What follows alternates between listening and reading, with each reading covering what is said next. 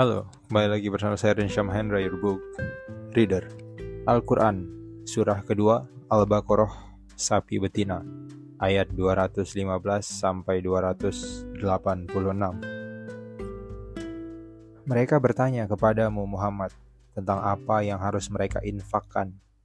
Katakanlah, harta apa saja yang kamu infakkan hendaknya diperuntukkan bagi kedua orang tua kerabat, anak yatim, orang miskin, dan orang yang dalam perjalanan. Dan kebaikan apa saja yang kamu kerjakan, maka sesungguhnya Allah Maha Mengetahui. Diwajibkan atas kamu berperang, padahal itu tidak menyenangkan bagimu. Tetapi boleh jadi kamu tidak menyenangi sesuatu, padahal itu baik bagimu, dan boleh jadi kamu menyukai sesuatu, padahal itu tidak baik bagimu. Allah mengetahui, sedang kamu tidak mengetahui. Mereka bertanya kepadamu Muhammad tentang berperang pada bulan haram.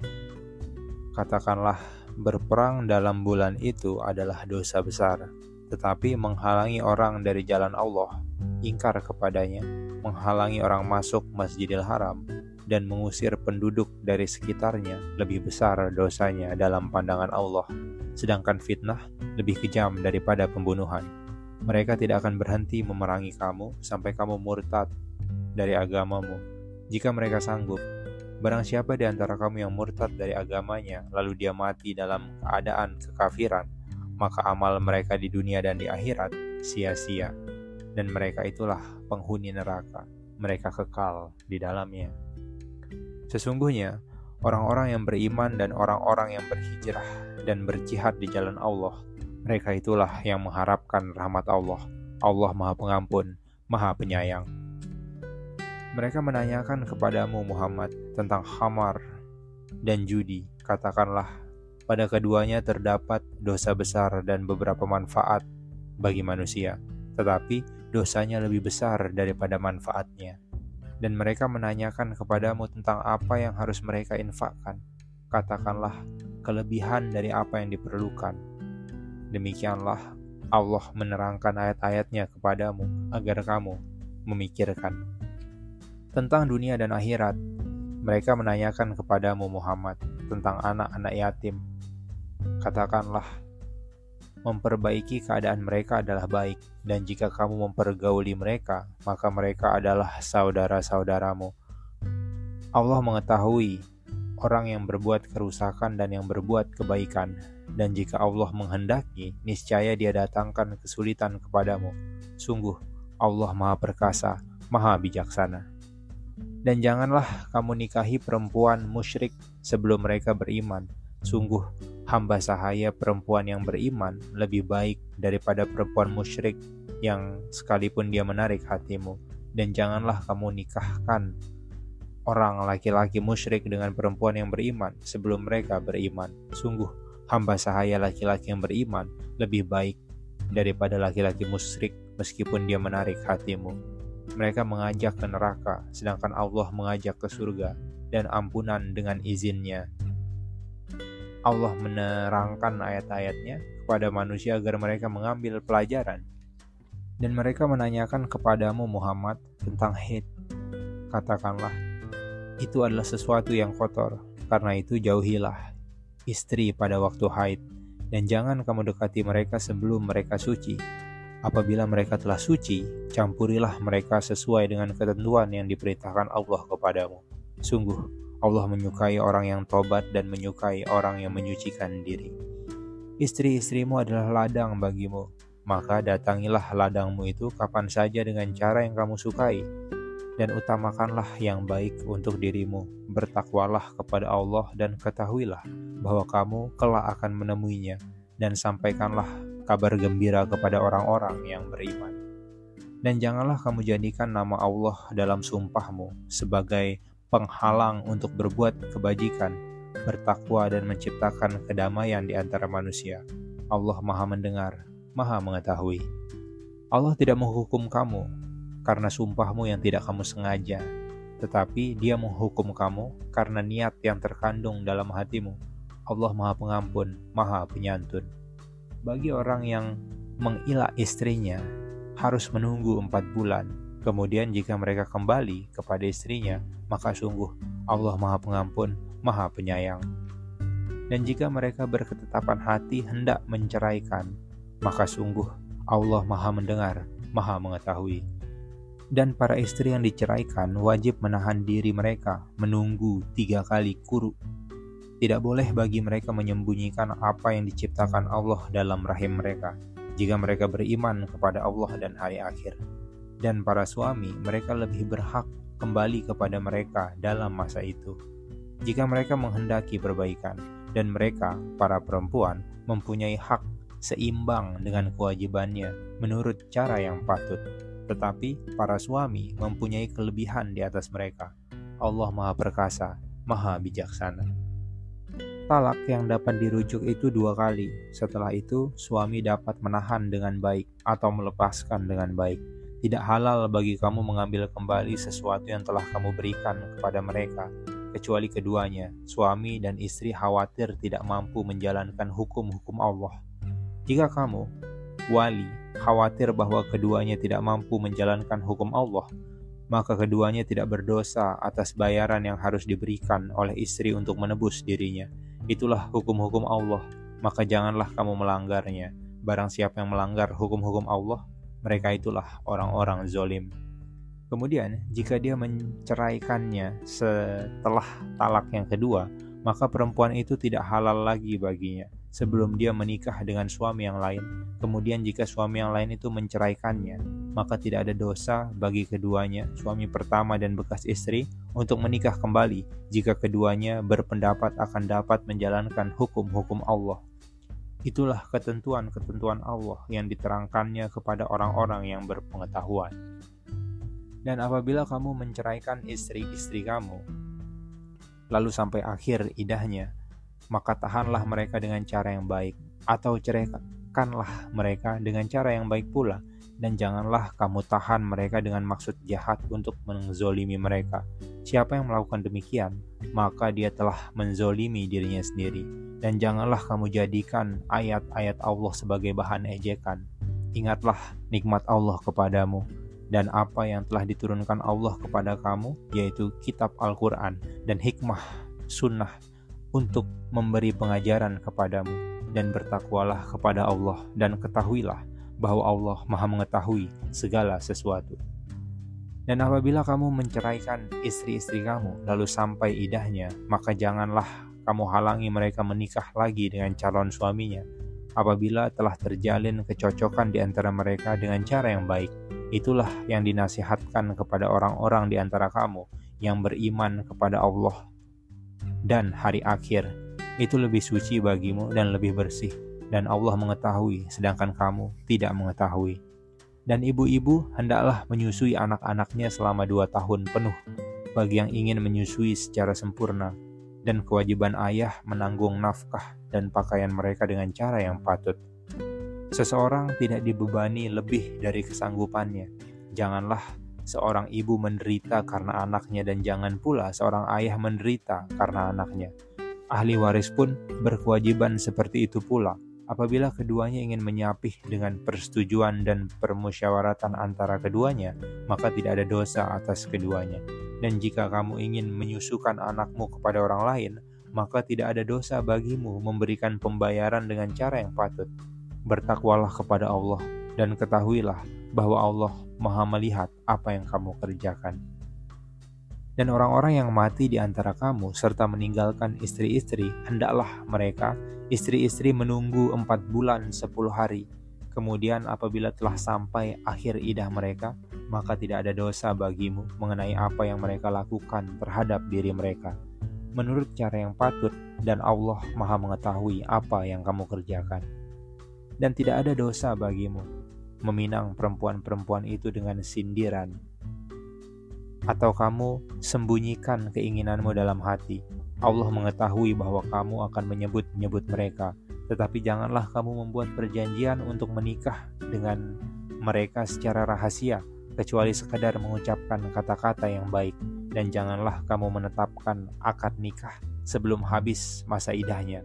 Ketahuilah bahwa Allah mengetahui apa yang ada dalam hatimu, maka takutlah kepadanya dan ketahuilah bahwa Allah Maha Pengampun, Maha Penyantun.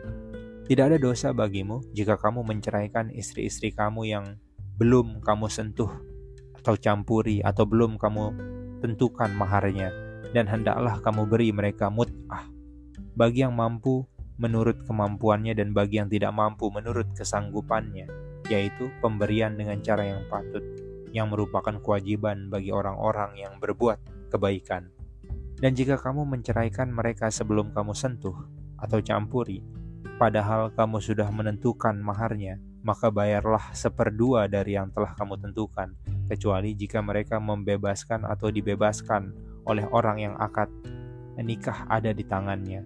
Pembebasan itu lebih dekat kepada takwa, dan janganlah kamu lupa kebaikan di antara kamu, sungguh Allah Maha Melihat apa yang kamu kerjakan. Peliharalah semua sholat dan sholat wusta dan laksanakanlah sholat karena Allah dengan khusyuk. Jika kamu takut ada bahaya, sholatlah sambil berjalan kaki atau berkendara. Kemudian apabila telah aman, maka ingatlah Allah. Bagaimana dia telah mengajarkan kepadamu apa yang tidak kamu ketahui dan orang-orang yang akan mati di antara kamu dan meninggalkan istri-istri, hendaklah membuat wasiat untuk istri-istrinya, yaitu nafkah sampai setahun tanpa mengeluarkannya dari rumah. Tetapi jika mereka keluar sendirian, maka tidak ada dosa bagimu mengenai apa yang mereka lakukan terhadap diri mereka sendiri dalam hal-hal yang baik. Allah Maha Perkasa, Maha Bijaksana. Dan bagi perempuan-perempuan yang diceraikan, hendaklah diberi mut'ah menurut cara yang patut sebagai suatu kewajiban bagi orang yang bertakwa. Demikianlah Allah menerangkan kepadamu ayat-ayatnya agar kamu mengerti. Tidakkah kamu memperhatikan orang-orang yang keluar dari kampung halamannya, sedang jumlahnya ribuan karena takut mati? Lalu Allah berfirman kepada mereka, "Matilah kamu." Kemudian Allah menghidupkan mereka. Sesungguhnya Allah memberikan karunia kepada manusia, tetapi kebanyakan manusia tidak bersyukur dan berperanglah kamu di jalan Allah dan ketahuilah bahwa Allah Maha mendengar, Maha mengetahui. Siapa yang meminjami Allah dengan pinjaman yang baik, maka Allah melipat gandakan gantinya kepadanya dengan banyak. Allah menahan dan melapangkan rezeki, dan kepadanya lah kamu dikembalikan. Tidakkah kamu perhatikan para pemuka Bani Israel setelah Musa wafat ketika mereka berkata kepada seorang nabi mereka, Angkatlah seorang raja untuk kami, niscaya kami berperang di jalan Allah. Nabi mereka menjawab, Jangan-jangan jika berperang diwajibkan atasmu, kamu tidak akan berperang juga. Mereka menjawab, Mengapa kami tidak akan berperang di jalan Allah, sedangkan kami telah diusir dari kampung halaman kami dan dipisahkan dari anak-anak kami? Tetapi ketika perang itu diwajibkan atas mereka, mereka berpaling, kecuali sebagian kecil dari mereka dan Allah Maha Mengetahui orang-orang yang zolim. Dan nabi mereka berkata kepada mereka, Sesungguhnya Allah telah mengangkat Talut menjadi rajamu. Mereka menjawab, Bagaimana Talut memperoleh kerajaan atas kami, sedangkan kami lebih berhak atas kerajaan itu daripadanya, dan dia tidak diberi kekayaan yang banyak. Nabi menjawab, Allah telah memilihnya menjadi raja dan memberinya kelebihan ilmu dan fisik Allah memberinya kerajaannya kepada siapa yang dia kehendaki dan Allah maha luas, maha mengetahui. Dan Nabi mereka berkata kepada mereka, sesungguhnya tanda kerajaannya ialah datangnya tabut kepadamu yang di dalamnya terdapat ketenangan dari Tuhanmu dan sisa peninggalan keluarga Musa dan keluarga Harun yang dibawa oleh malaikat. Sungguh pada yang demikian itu terdapat tanda kebesaran Allah bagimu jika kamu orang yang beriman. Maka ketika Talut membawa bala tentaranya, dia berkata, Allah akan menguji kamu dengan sebuah sungai, maka barang siapa yang meminum airnya, dia bukanlah pengikutku, dan siapa yang tidak meminumnya, maka dia adalah pengikutku, kecuali menciduk seciduk dengan tangan, tetapi mereka meminumnya, kecuali sebagian kecil di antara mereka. Ketika dia, Talut, dan orang-orang yang beriman bersamanya menyeberangi sungai itu. Mereka berkata, "Kami tidak kuat lagi pada hari ini melawan Jalut dan bala tentaranya." Mereka yang meyakini bahwa mereka akan menemui Allah berkata, "Betapa banyak kelompok kecil mengalahkan kelompok besar dengan izin Allah, dan Allah beserta orang-orang yang sabar." Dan ketika mereka maju melawan Jalut dan tentaranya, mereka berdoa, "Ya Tuhan kami, limpahkanlah kesabaran kepada kami, kokohkanlah langkah kami, dan tolonglah kami menghadapi orang-orang kafir." Maka mereka mengalahkannya dengan izin Allah, dan Daud membunuh Jalut. Kemudian Allah memberinya kerajaan dan hikmah dan mengajari apa yang dia kendaki. Dan kalau Allah tidak melindungi sebagian manusia dengan sebagian yang lain, niscaya rusaklah bumi ini. Tetapi Allah mempunyai karunia yang dilimpahkannya atas seluruh alam. Itulah ayat-ayat Allah kami bacakan kepadamu dengan benar dan engkau Muhammad adalah benar-benar seorang Rasul. Rasul-Rasul itu kami lebihkan sebagian mereka dari sebagian yang lain. Di antara mereka ada yang langsung Allah berfirman dengannya dan sebagian lagi ada yang ditinggikannya beberapa derajat dan kami beri Isa putra Maryam beberapa mukjizat dan kami perkuat dia dengan Rohul Kudus. Kalau Allah menghendaki, niscaya orang-orang setelah mereka tidak akan berbunuh-bunuhan setelah bukti-bukti sampai kepada mereka, tetapi mereka berselisih. Maka ada di antara mereka yang beriman dan ada pula yang kafir. Kalau Allah menghendaki, tidaklah mereka berbunuh-bunuhan, tetapi Allah berbuat menurut kehendaknya. Wahai orang-orang yang beriman, infakkanlah sebagian rezeki yang telah kami berikan kepadamu sebelum datang hari ketika tidak ada lagi jual beli, tidak ada lagi persahabatan dan tidak ada lagi syafaat. Orang-orang kafir itulah orang yang zolim.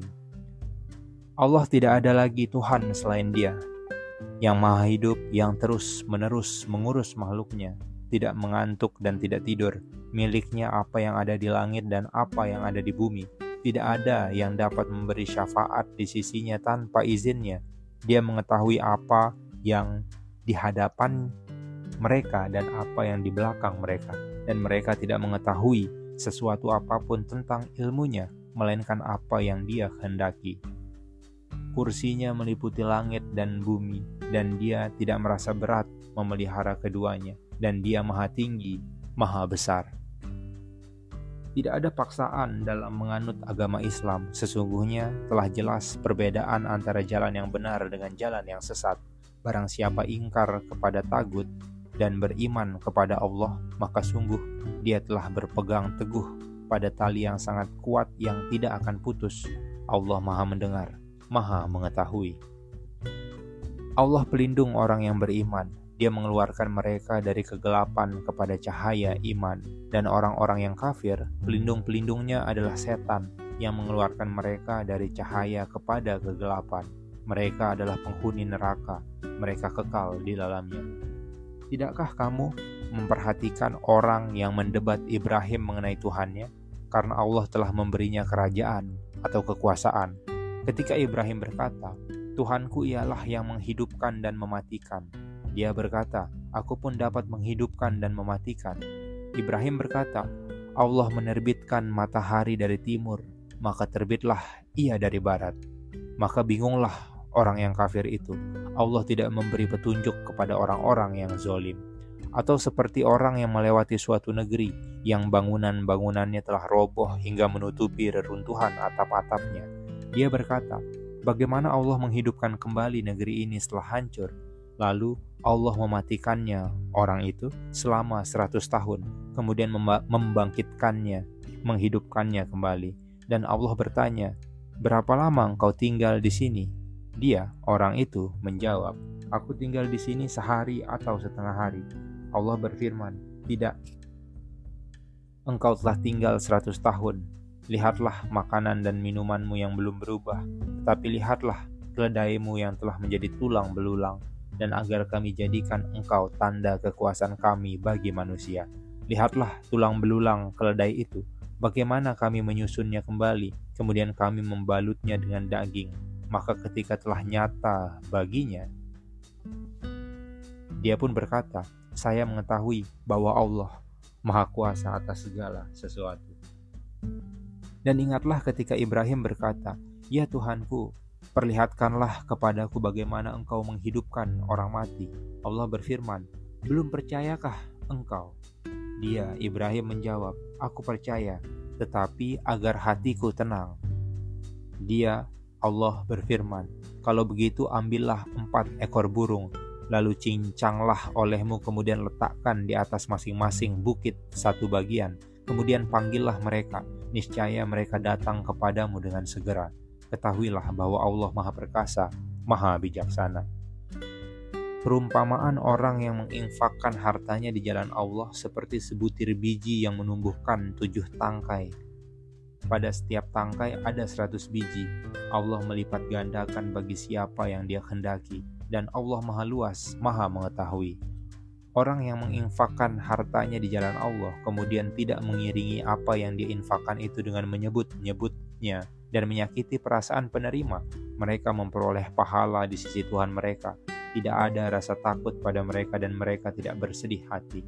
Perkataan yang baik dan pemberian maaf lebih baik daripada sedekah yang diiringi tindakan yang menyakiti. Allah Maha Kaya, Maha Penyantun. Wahai orang-orang yang beriman, janganlah kamu merusak sedekahmu dengan menyebut-nyebutnya dan menyakiti perasaan penerima, seperti orang yang menginfakkan hartanya karena ria atau pamer kepada manusia dan dia tidak beriman kepada Allah dan hari akhir. Perumpamaannya, orang itu seperti batu yang licin yang di atasnya ada debu, kemudian batu itu ditimpa hujan lebat, maka tinggallah batu itu licin lagi. Mereka tidak memperoleh sesuatu apa pun dari apa yang mereka kerjakan, dan Allah tidak memberi petunjuk kepada orang-orang kafir. Dan perumpamaan orang yang menginfakkan hartanya untuk mencari ridho Allah dan untuk memperteguh jiwa mereka, seperti sebuah kebun yang terletak di dataran tinggi yang disirami oleh hujan lebat maka kebun itu menghasilkan buah-buahan dua kali lipat. Jika hujan lebat tidak menyiraminya, maka embun pun memadai. Allah Maha Melihat apa yang kamu kerjakan. Adakah salah seorang di antara kamu yang ingin memiliki kebun kurma dan anggur yang mengalir di bawahnya sungai-sungai? Di sana, dia memiliki segala macam buah-buahan. Kemudian datanglah masa tuanya, sedang dia memiliki keturunan yang masih kecil-kecil. Lalu kebun itu ditiupi angin keras yang mengandung api sehingga terbakar. Demikianlah Allah menerangkan ayat-ayatnya kepadamu agar kamu memikirkannya. Wahai orang-orang yang beriman, infakkanlah sebagian hasil usahamu yang baik-baik dan sebagian dari apa yang kami keluarkan dari bumi untukmu. Janganlah kamu memilih yang buruk untuk kamu keluarkan, padahal kamu sendiri tidak mau mengambilnya, melainkan dengan memincingkan mata atau enggan terhadapnya dan ketahuilah bahwa Allah Maha Kaya, Maha Terpuji. Setan menjanjikan atau menakut-nakuti kemiskinan kepadamu dan menyuruh kamu berbuat keji atau kikir, sedangkan Allah menjanjikan ampunan dan karunia-Nya kepadamu dan Allah Maha Luas, Maha Mengetahui. Dia memberikan hikmah kepada siapa yang Dia kehendaki. Barang siapa diberi hikmah, sesungguhnya dia telah diberi kebaikan yang banyak dan tidak ada yang dapat mengambil pelajaran kecuali orang-orang yang mempunyai akal sehat. Dan apa pun infak yang kamu berikan atau nazar yang kamu janjikan, maka sungguh Allah mengetahuinya dan bagi orang zolim tidak ada seorang penolong pun. Jika kamu menampakkan sedekah-sedekahmu, maka itu baik. Dan jika kamu menyembunyikan dan memberikannya kepada orang-orang fakir, maka itu lebih baik bagimu dan Allah akan menghapus sebagian kesalahan-kesalahanmu dan Allah Maha teliti terhadap apa yang kamu kerjakan. Bukanlah kewajibanmu Muhammad menjadikan mereka mendapat petunjuk, tetapi Allah lah yang memberi petunjuk kepada siapa yang Dia kehendaki. Apa pun harta yang kamu infakkan, maka kebaikannya untuk dirimu sendiri, dan janganlah kamu berinfak melainkan karena mencari ridho Allah dan apa pun harta yang kamu infakkan, niscaya kamu akan diberi pahala secara penuh dan kamu tidak akan dizolimi atau dirugikan. Apa yang kamu infakkan adalah untuk orang-orang fakir yang terhalang usahanya karena jihad di jalan Allah, sehingga dia yang tidak dapat berusaha di bumi, orang lain yang tidak tahu menyangka bahwa mereka adalah orang-orang kaya karena mereka menjaga diri dari meminta-minta. Engkau Muhammad mengenal mereka dari ciri-cirinya, mereka tidak meminta secara paksa kepada orang lain. Apa pun harta yang baik yang kamu infakkan, sungguh Allah Maha Mengetahui. Orang-orang yang menginfakkan hartanya malam dan siang hari secara sembunyi-sembunyi maupun terang-terangan, mereka mendapat pahala di sisi Tuhannya. Tidak ada rasa takut pada mereka dan mereka tidak bersedih hati. Orang-orang yang memakan riba tidak dapat berdiri melainkan seperti berdirinya orang yang kemasukan setan karena gila. Yang demikian itu karena mereka berkata bahwa jual beli itu sama dengan riba. Padahal Allah telah menghalalkan jual beli dan mengharamkan riba. Barang siapa mendapat peringatan dari Tuhannya, lalu dia berhenti, maka apa yang telah diperolehnya dahulu menjadi miliknya, dan urusannya terserah kepada Allah. Barang siapa mengulangi, maka mereka itu penghuni neraka, mereka kekal di dalamnya. Allah memusnahkan riba dan menyuburkan sedekah. Allah tidak menyukai setiap orang yang tetap dalam kekafiran dan bergelimang dosa. Sungguh, orang-orang yang beriman mengerjakan kebajikan, melaksanakan sholat dan menunaikan zakat. Mereka mendapat pahala di sisi Tuhannya. Tidak ada rasa takut pada mereka dan mereka tidak bersedih hati. Wahai orang-orang yang beriman, bertakwalah kepada Allah dan tinggalkanlah sisa riba yang belum dipungut jika kamu orang beriman. Jika kamu tidak melaksanakannya, maka umumkanlah perang dari Allah dan Rasul-Nya. Tetapi jika kamu bertobat, maka kamu berhak atas pokok hartamu kamu tidak berbuat zolim, merugikan, dan tidak dizolimi atau dirugikan. Dan jika orang berhutang itu dalam kesulitan, maka berilah tenggang waktu sampai dia memperoleh kelapangan. Dan jika kamu menyedekahkan, itu lebih baik bagimu jika kamu mengetahui. Dan takutlah pada hari ketika kamu semua dikembalikan kepada Allah. Kemudian setiap orang diberi balasan yang sempurna sesuai dengan apa yang telah dilakukannya. Dan mereka tidak dizolimi atau dirugikan. Wahai orang-orang yang beriman, apabila kamu melakukan utang piutang untuk waktu yang ditentukan, hendaklah kamu menuliskannya, dan hendaklah seorang penulis di antara kamu menuliskannya dengan benar. Janganlah penulis menolak untuk menuliskannya sebagaimana Allah telah mengajarkan kepadanya, maka hendaklah dia menuliskan. Dan hendaklah orang yang berhutang itu mendiktekan dan hendaklah dia bertakwa kepada Allah Tuhannya dan janganlah dia mengurangi sedikit pun daripadanya. Jika yang berhutang itu orang yang kurang akalnya atau lemah keadaannya atau tidak mampu mendiktekan sendiri, maka hendaklah walinya mendiktekannya dengan benar dan persaksikanlah dengan dua orang saksi laki-laki di antara kamu. Jika tidak ada saksi dua orang laki-laki, maka boleh seorang laki-laki dan dua orang perempuan di antara orang-orang yang kamu sukai dari para saksi yang ada agar jika yang seorang lupa, maka yang seorang lagi mengingatkannya. Dan janganlah saksi-saksi itu menolak apabila dipanggil, dan janganlah kamu bosan menuliskannya untuk batas waktunya, baik utang itu kecil maupun besar. Yang demikian itu lebih adil di sisi Allah, lebih dapat menguatkan kesaksian, dan lebih mendekatkan kamu kepada ketidakraguan. Kecuali jika hal itu merupakan perdagangan tunai yang kamu jalankan di antara kamu, maka tidak ada dosa bagimu jika kamu tidak menuliskannya, dan ambillah saksi apabila kamu berjual beli, dan janganlah penulis dipersulit dan begitu juga saksi. Jika kamu lakukan yang demikian, maka sungguh hal itu suatu kefasikan pada kamu, dan bertakwalah kepada Allah. Allah memberikan pengajaran kepadamu, dan Allah mengetahui segala sesuatu. Dan jika kamu dalam perjalanan, sedangkan kamu tidak mendapatkan seorang penulis, maka hendaklah ada barang jaminan yang dipegang. Tetapi jika sebagian kamu mempercayai sebagian yang lain, hendaklah yang dipercayai itu menunaikan amanatnya atau utangnya, dan hendaklah dia bertakwa kepada Allah, Tuhannya, dan janganlah kamu menyembunyikan kesaksian, karena barang siapa yang menyembunyikannya, sungguh hatinya kotor, berdosa, Allah Maha Mengetahui apa yang kamu kerjakan. Milik Allah lah yang ada di langit dan apa yang ada di bumi. Jika kamu nyatakan apa yang ada di dalam hatimu atau kamu sembunyikan, niscaya Allah memperhitungkannya tentang perbuatan itu bagimu. Dia mengampuni siapa yang dia hendaki dan mengazab siapa yang dia hendaki. Allah Maha Kuasa atas segala sesuatu. Rasul Muhammad beriman kepada apa yang diturunkan kepadanya, yaitu Al-Quran dari Tuhannya. Demikian pula orang-orang yang beriman, semua beriman kepada Allah, malaikat-malaikatnya, kitab-kitabnya, dan rasul-rasulnya.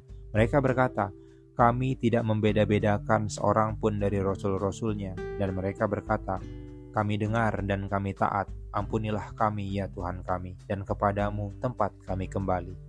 Allah tidak membebani seseorang melainkan sesuatu dengan kesanggupannya. Dia mendapat pahala dari kebajikan yang dikerjakannya dan dia mendapat siksa dari kejahatan yang diperbuatnya. Mereka berdoa, "Ya Tuhan kami, janganlah Engkau hukum kami jika kami lupa atau kami melakukan kesalahan.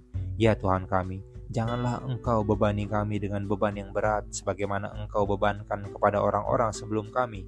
Ya Tuhan kami, janganlah Engkau pikulkan kepada kami apa yang tidak sanggup kami memikulnya. Maafkanlah kami, ampunilah kami, dan rahmatilah kami.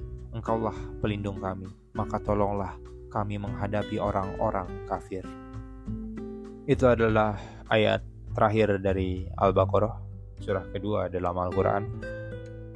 Di episode berikutnya, atau di episode yang segmen Al-Quran berikutnya, kita akan membaca surah ketiga Ali Imran yang berarti keluarga Imran. Ada 200 ayat, kemungkinan akan dibagi menjadi dua episode. So, see you next episode. Bye.